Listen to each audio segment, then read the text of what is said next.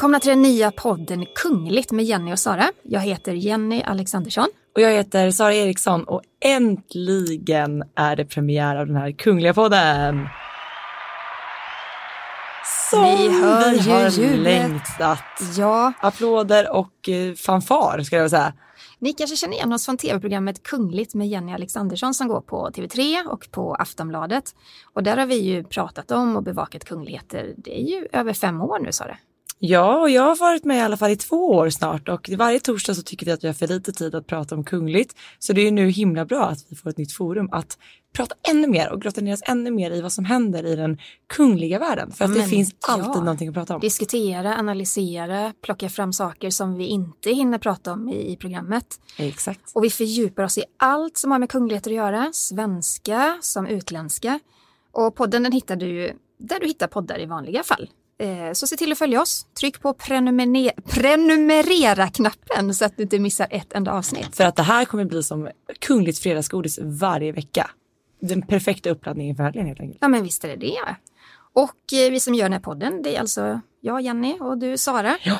Och vi har ju jobbat med att bevaka kungligheter i väldigt många år. Hur länge har du hållit på, Sara? Ja men det är väl ungefär fyra år skulle jag säga. Men jag har ju varit intresserad hela mitt liv. Det började liksom när jag istället för att läsa barnböcker som normala barn gör så läste jag Svensk Damtidning ihop med min farmor och kollade på alla glittriga diadem och härliga klänningar. Hur gammal var du då? Ja det har ju varit forever. Alltså jag drömde ju när jag var liten då skulle jag ju bli prinsessa. Det var ju Ah. liksom målet och sen insåg man någonstans att man kanske då kan jobba med att bevaka kungahuset istället. Du har ju flera tavlor med kungafamiljen på dina väggar hemma. Jag har ju det. Det är eh, en och annan Bernadotte som hänger på väggen hemma i form av olika tavlor och det är eh, guldfärgade ramar. Och eh, det kanske inte är helt normalt när man är 26 år gammal. Jag är nog en av få som har det i alla fall.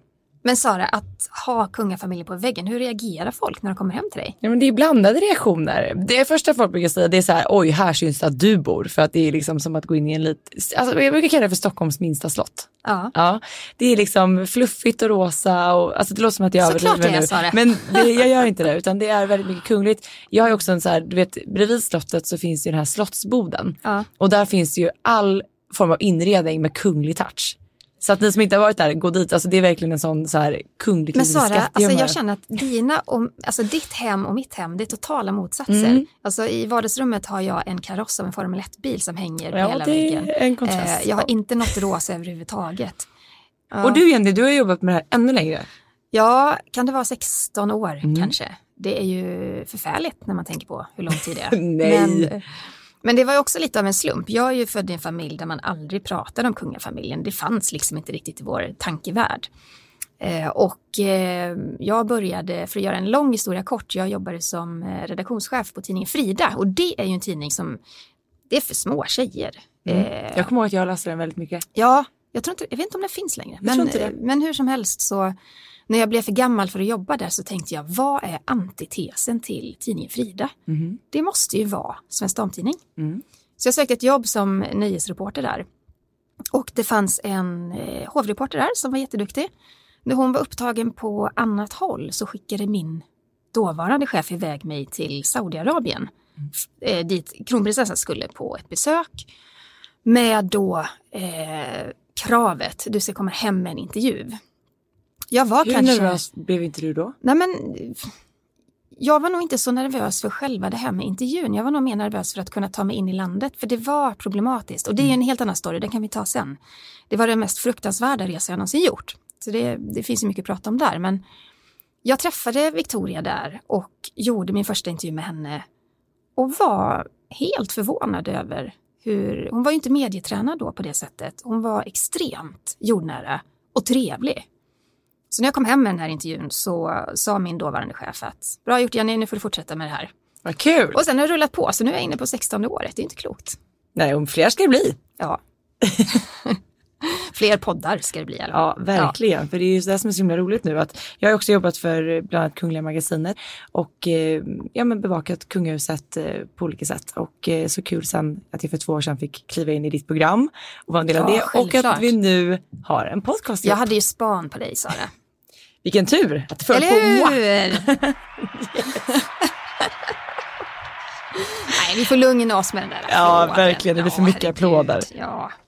Okej Sara, nog om oss nu. nu ja, men verkligen, vi... vi skulle kunna prata ett helt avsnitt annars om det. Det är inte jätteintressant ändå. Nu. Nu ska vi ta oss an den här händelserika veckan. Det startade ju med en bomb i Ja, men måndags. verkligen. Alltså, jag satt hemma på kammaren och skrev på en text, får ett meddelande från dig och vi fick kasta oss iväg till Kungliga slottet. Och det är inte varje måndag som man spenderar i de salongerna så att säga. Nej, det var snabba ryck. Men det är också när det händer sådana grejer som det är väldigt roligt att vara eh, reporter som bevakar Mm. kungligheter. Verkligen. Man fick Eh. verkligen ta pulsen lite mer på sitt yrke och det var väldigt Precis. kul att det var så snabba puckar. För vad var det egentligen som hände? I måndags förmiddags så gick ju hovet ut med ett ganska oväntat och drastiskt besked. Kungen har beslutat att eh, utesluta fem av sina barnbarn från kungahuset. Och man får ju särskilja det där lite grann. De är ju inte ute ur kungafamiljen. Nej, de, De- har inte sagt upp bekantskapen med familjen. Nej, utan Nej. de ska bara bort från den officiella delen, alltså kungahuset. Ja. Och de kommer då förlora sina kungliga titlar, hans och hennes kungliga höghet. De behåller prins och prinsesstitel och hertig och hertiginnetitel. Och de får inte heller ta del av apanaget. Kan man sammanfatta det så? ja, men det är väl egentligen en enkel version så att man får lite mer grepp om det. För det är ju ganska otydligt egentligen vad det är som, som gäller här. Och det är också, jag tror därför det har blivit så pass stort pådrag kring det här och också så många frågor. För att som du säger, det här har hänt, men de utgör fortfarande en del av successionsordningen fast de inte tillhör det kungliga huset. Så även om de förlorar, eh, de har ju devalverat sin kungliga status, alltså de har ju förlorat en, en kunglig eh, status. Det blir mer som en hederstitel kan man säga Ja, idag. det blir det. Men de förlorar då inte platsen i tronföljden. Det är ändå viktigt att poängtera. Verkligen. Och jag menar fortfarande kan man säga att barnen nu i och med det här beslutet kan man säga att kungen kapar grenar inom familjen. Det kommer nu bli ännu mer fokus på kronprinsessan och hennes familj. Estelle som en dag ska kunna då äntra rollen som kronprinsessa, framtida drottning. Hon vet ju vilken framtid hon går till mötes. Hon har inte lika många val. Och jag menar i och med det här beslutet så betyder det att hennes kusiner, ja men de anses numera som privatpersoner. Mm. Vad är det för negativa konsekvenser med det här? Ja, men det negativa som jag tror det många reagerar på det är just att det låter så drastiskt att man utesluter någon ur kungahuset och det, är, det låter ju mer dras- drastiskt än vad det faktiskt är. Mm. Och eh, det negativa, ja för vår roll som jobbar med det här tycker vi såklart det är tråkigt att vi inte har lika många kungligheter i, i det kungliga huset att följa Mm. såklart. Men det finns ju också väldigt många positiva aspekter i det. De här barnen är så pass långt ifrån kronan att det är ju, jag tycker på något sätt att det är självklart att de ska kunna ha de här valmöjligheterna i livet. Men det är det här, här blir det spännande för att eh, beroende på vilken infallsvinkel man har, man kan ju säga att det negativa är också det positiva. För att Mm. det negativa möjligtvis för barnen är att de kan aldrig luta sig tillbaka på apanaget och ha en säker eh, försörjning Nej. via kungahuset. Men det blir ju också väldigt positivt för dem att kunna välja utbildning fritt, välja yrke fritt. Tänk på kungen till exempel som så många gånger pratat om att han säkert hade valt att bli bonde om han inte var Mm. tronföljare och sen regent. Verkligen. Så det finns ju, beroende på hur man tittar på det, både bra och dåliga saker Mm. med det hela. Och frågorna har ju också varit många det märkte vi. Vi var ju på plats som sagt på Kungliga slottet och eh, tog del av riksmarskalk Fredrik Wersells eh, uttalanden och det var väldigt många med oss som hade frågor och de flesta frågorna, majoriteten kan man ändå säga, de handlar ju mycket om det här med apanaget. För det är väldigt Det ifrågasatt är inte så konstigt, fråga. tänker jag. För att om man kollar på de mejl och telefonsamtal Mm. och sånt som vi ofta får så handlar det om skattepengarna. Det handlar om, är kungafamiljen för dyr? Eh, gör de tillräckligt mycket nytta för att få så här mycket pengar? Det är ändå 141 miljoner 2019. Precis. Och det kommer hamna på 146 om jag minns rätt 2020. Ja, Så det, det är pengar. det är jättemycket pengar. Men fick vi egentligen något tydligt svar på det? När den här frågan ställdes? Nej, men jag tror att man ganska lätt kan göra tolkningen att eh, vi kommer inte se något min- någon minskning av apanaget. Eh, därför att de här barnens del av apanaget, den är så marginell. Det Ja. kommer inte göra någon skillnad. Och sen är det ju så här att kungen får ju en klumpsumma varje år och han bestämmer hur det ska fördelas. Eh, och om man kollar på apanaget hur det är uppbyggt så är det ju två delar. En går till slottsstaten som handlar mycket om att förvalta fastigheter, slott och För jag menar, där är ju en konstsamlingar. enormt stor kostnad. Det Jag menar, det tänk alla de här slotten som ska underhållas med personal och allt vad det Ja, är. och det som går till hovstaten, där är det också väldigt mycket pengar som går till personalkostnader Mm. eh, och till andra saker. Sen är det ju då en del som går till kungens utgifter i, ja, alltså både privat och eh, hans levnadsomkostnader och eh, det som då ska vara den officiella delen. Men barnen, att de här fem barnen utesluts ur kungahuset, det kommer inte påverka apanaget. Det kommer ju eh, fortfarande vara så att det ibland äskas mer pengar för säkerhet eller andra grejer. Mm, precis.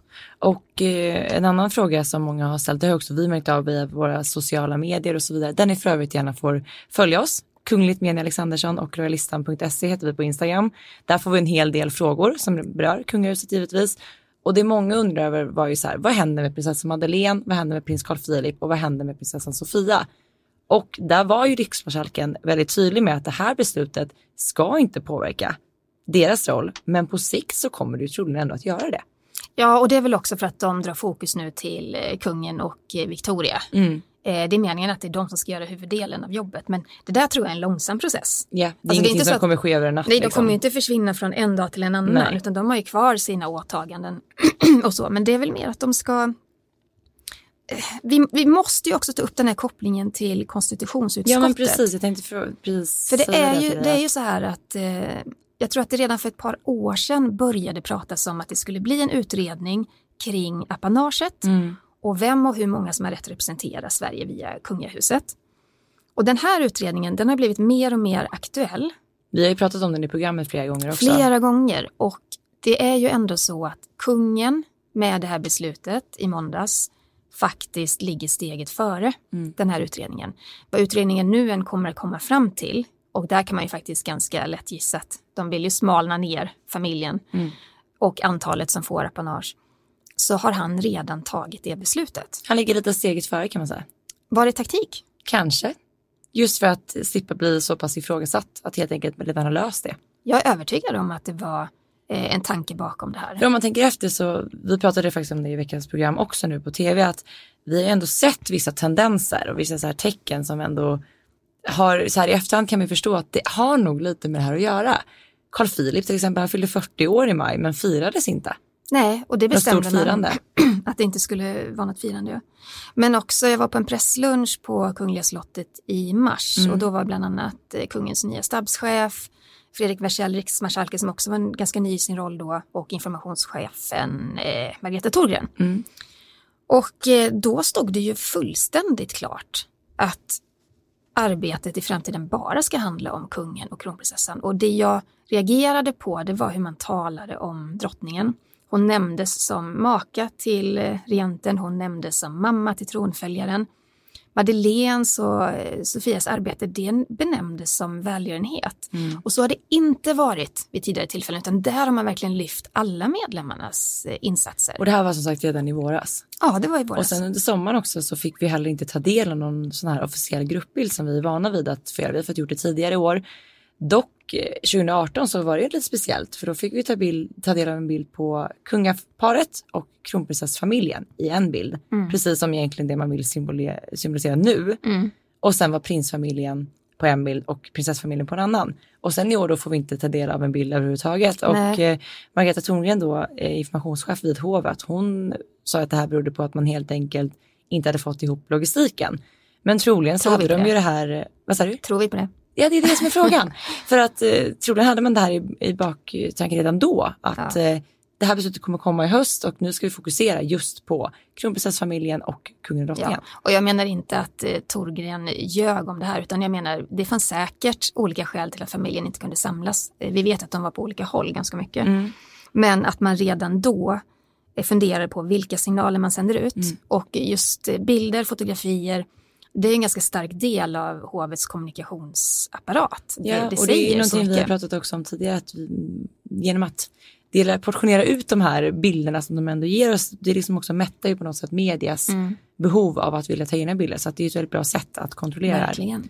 Men eh, det här med att det har varit en tanke länge, det är också någonting som man kan läsa på både prinsessan Madeleine och eh, prinsparets Instagram. Mm. För inom loppet av två minuter så la ju de båda två upp eh, en varsin post om det här, eller ett inlägg, där de då vill klargöra att det är inga konstigheter med det här, alla är med på, på det här och att det är ingen som tycker det är märkligt överhuvudtaget. Men det var ändå lite olika toner i de här inläggen, det får man ändå Ja, säga. men det håller jag med om, det var det. Jag tycker nog att eh när man, när, liksom, när man la dem bredvid varandra och jämförde så tycker jag att eh, Madeleines var ju ganska kort. Mm. Eh, Carl Philips lite längre och eh, där, jag kan läsa vad, vad Carl Philip skrev, en liten del av det.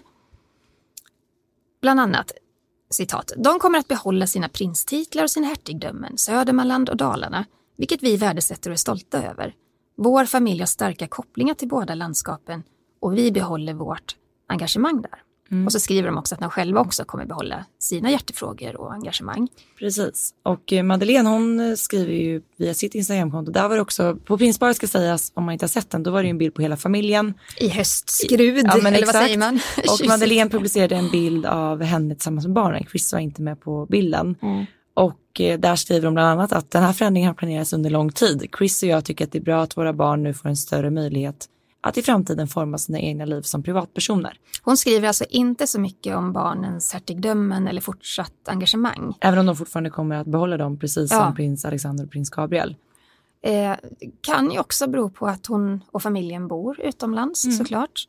Men eh, hon kanske inte tänker att barnen i lika stor utsträckning som Carl Philips barn som ju är baserade i Sverige har möjlighet Så att engagera sig vara. lika mycket. Mm. Det är klart att de, har ju, de, de bor ju längre bort. De Ja. har inte samma närhet till det. Nej. Men eh, sen kan man ju också säga, vi, vi träffade ju vi träffade Madeleine eh, på bokmässan Ja, när hon var där. Mm. Och vår kollega Susanna Nygren eh, pratade med henne och då ställde hon bland annat frågan var barnen ska gå i skola. För det här, det här måste vi faktiskt gå igenom Mm. innan, vi, innan vi tar hennes svar som var lite Ja. speciellt. Vad är det som gäller här nu egentligen? Och varför? Det här har vi pratat om i programmet flera gånger. Så här är det. Eh, den förra riksmarskalken Svante Lindqvist, Mm. han gjorde en tolkning av successionsordningen när Leonor föddes. Och den var ganska rak och tydlig och den innebar att ska ett kungligt barn ha kvar sin plats i tronföljden så måste det barnet gå i skola och vara uppväxt i Sverige från sex års ålder. Mm. Eh, och den tolkningen den har, har ju följt med i, alla år. Och därför har ju vi reportrar som bevakar det här, vi har ju många gånger undrat hur ska det nu gå då? För nu fyller snart Leonor sex år. Hon fyller sex år i. Stannar hon kvar i Mm. Florida då blir hon ju av med sin plats i tronföljden Precis. enligt den här tolkningen.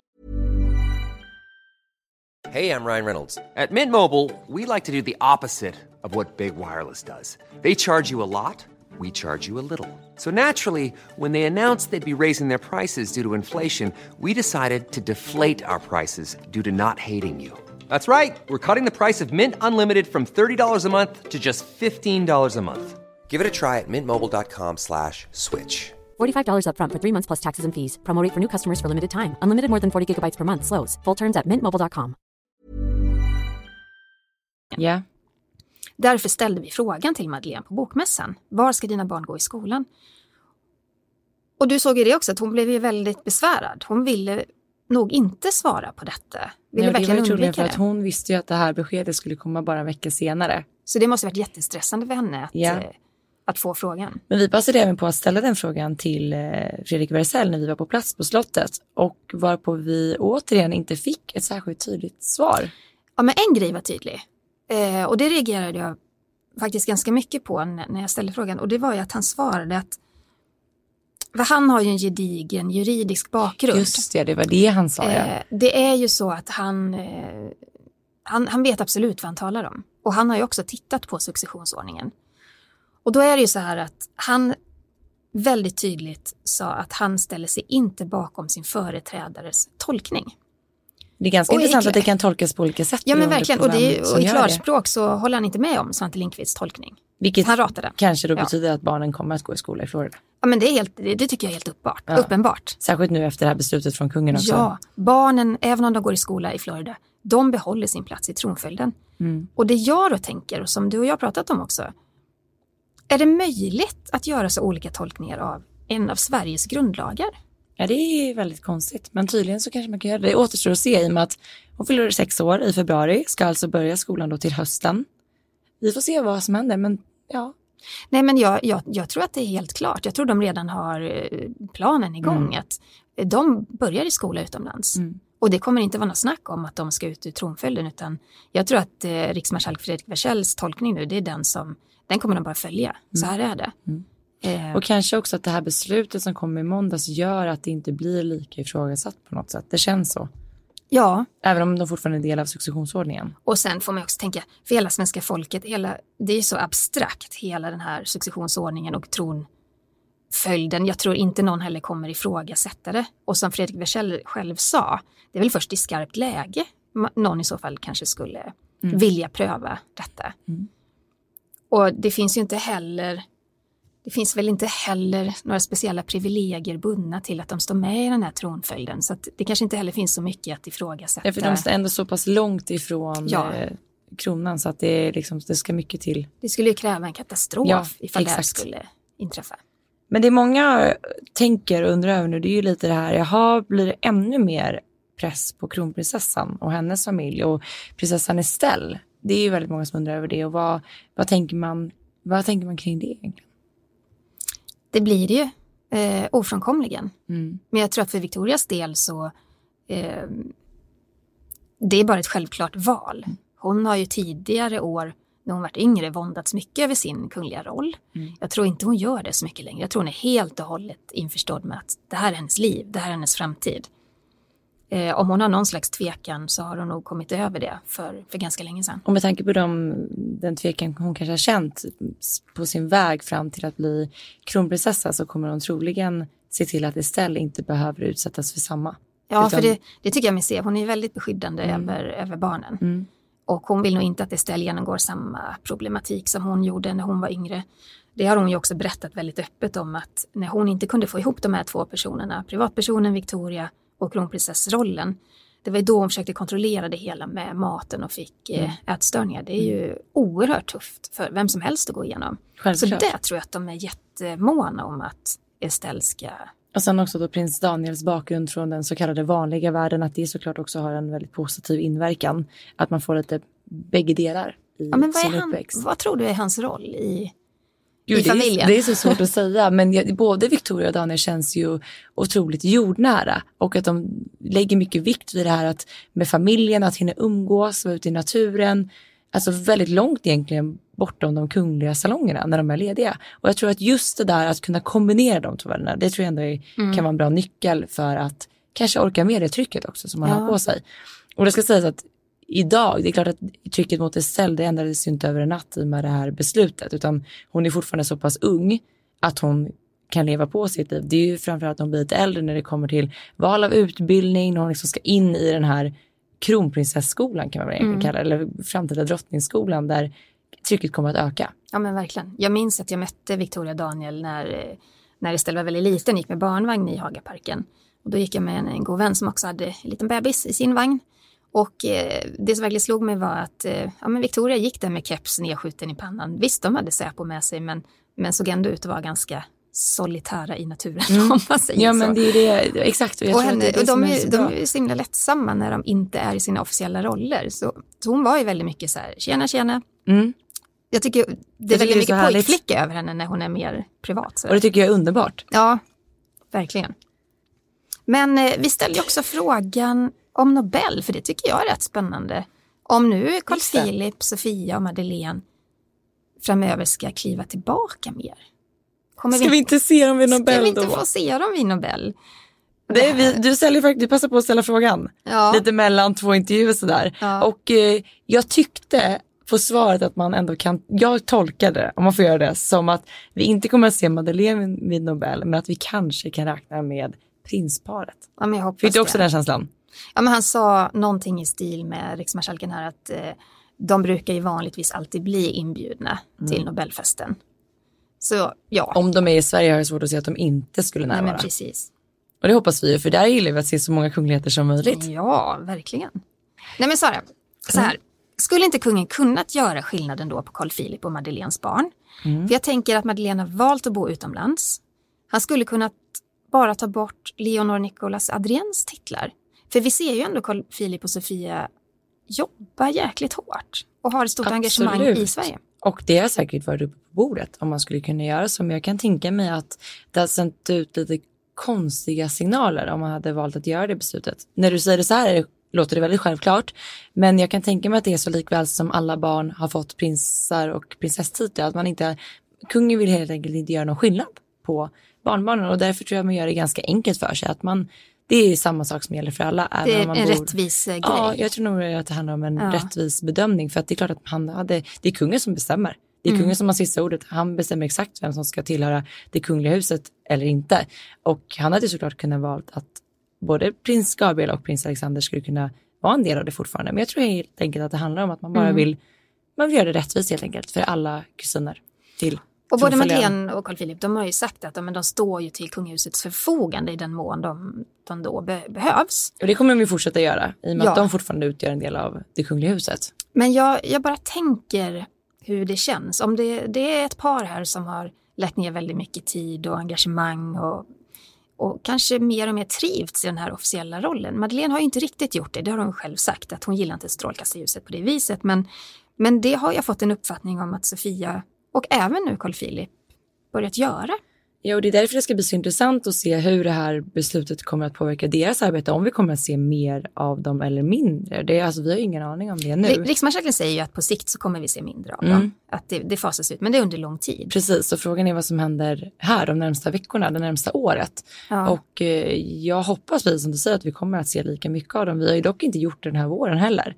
Det har varit lite mer, eller våren, sommaren, hösten till och med. Vi har sett lite mindre av dem. Det har gjort. Det har mycket att göra också med att prinsessan Sofia fortfarande är mammaledig och så vidare. Men Men jag som är så himla intresserad av mellanmänskliga relationer och eh, känslor och eh, tankar och psykologi.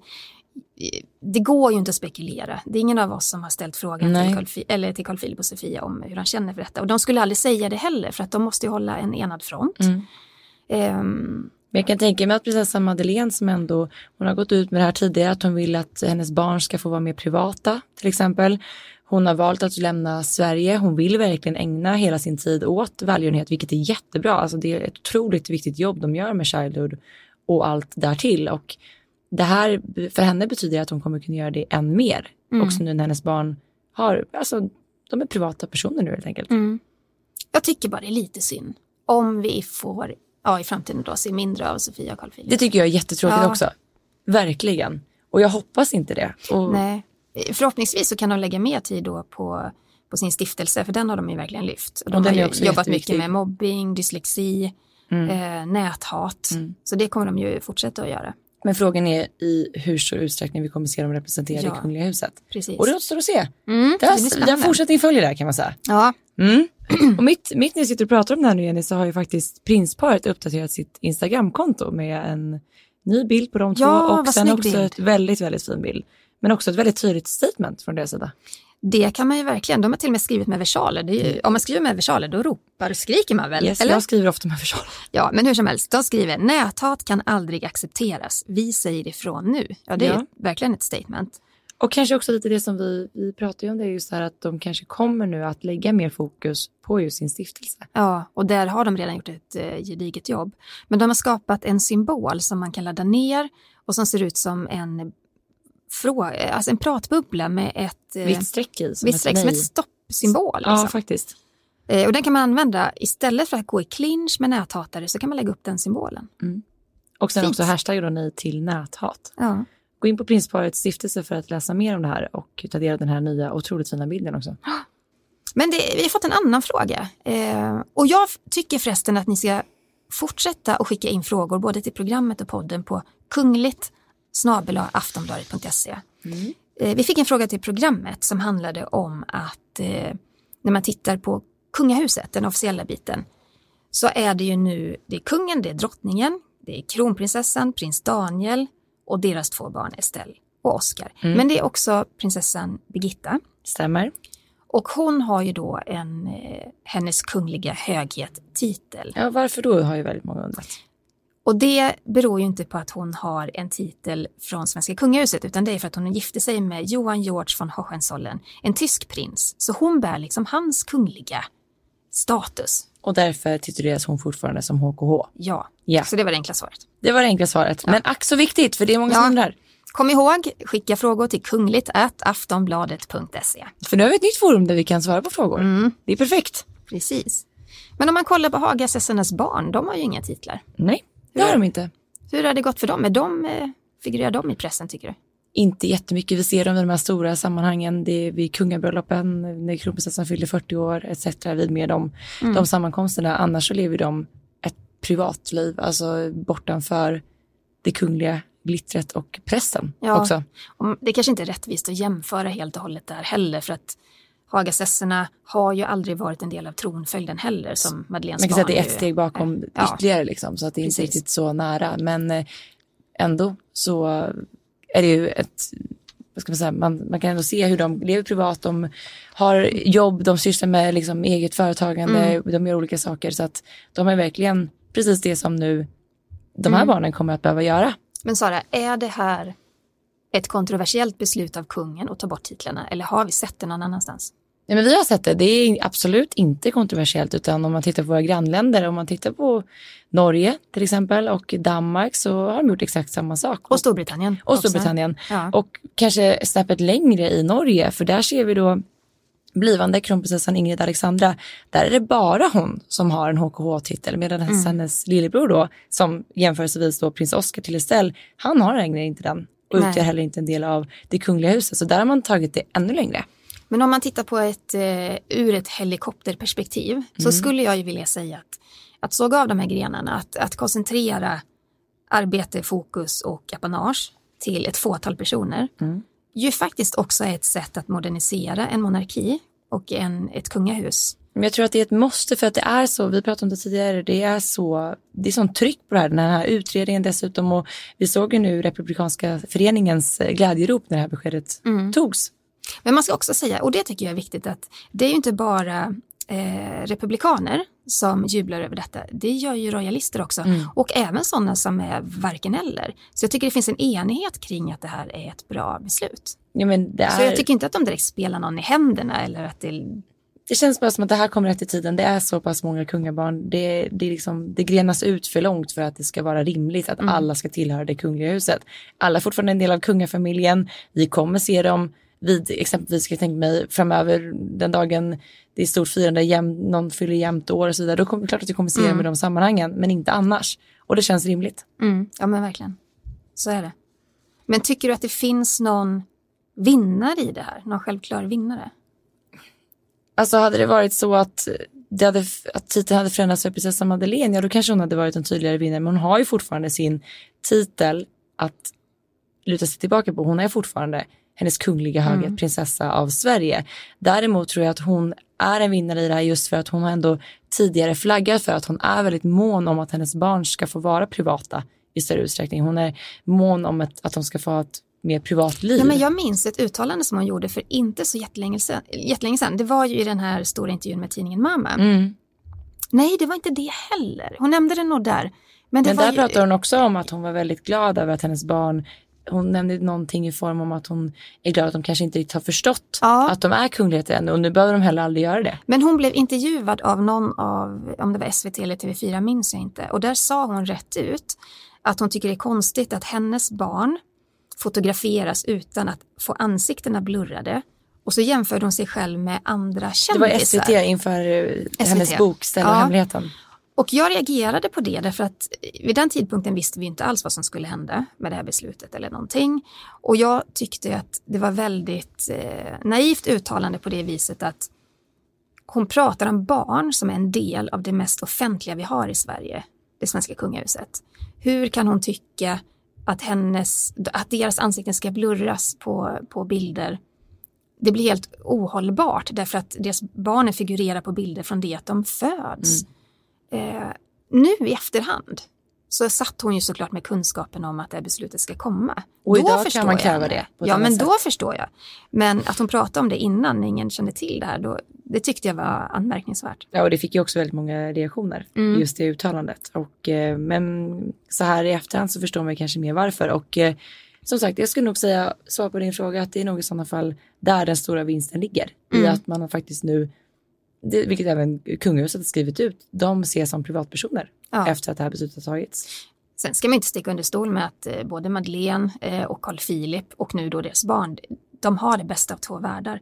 De slipper ju bära det här ansvaret att vara tronföljare, Mm. att eh, någon gång vara Sveriges kung eller drottning. Men fortfarande av- foten inne i den kungliga världen på något sätt. De kan välja eh, vilka kungliga evenemang och sånt de vill vara med på. Men de kan fortfarande ha den andra foten då i den privata sfären, leva ett mer anonymt liv.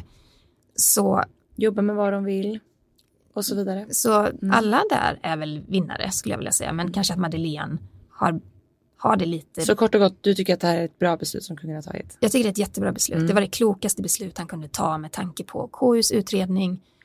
Men också all den här kritik och den offentliga opinionen som har varit kring apanaget och kring en växande kungafamilj. Och det här har han varit medveten om. Vi har pratat om det jättemånga gånger i, i tv-programmet. Eh, så det var ett klokt beslut. Jag är glad att det, att det kom nu när barnen fortfarande är små.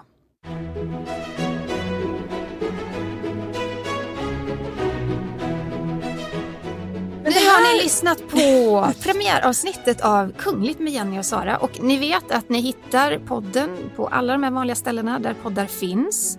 Eh, tryck på prenumerera-knappen, följ Ja. oss så ni inte missar något avsnitt. Och varje fredag så kommer ett rykande färskt eh, avsnitt av Kungligt och vi vill såklart inte att ni ska missa det här. Och eh, vi ser gärna att ni ställer frågor. Vad är adressen då, Jenny? Kungligt snabel aftonbladet.se och ni följer oss även på sociala medier. Ni hittar mig och Kungligt på Kungligt med Jenny på Instagram och Sara Och ni hittar mig på royalistan.se. Där blir det ju uppdateringar dagligen. flera gånger per dag. Ja, vi ses då.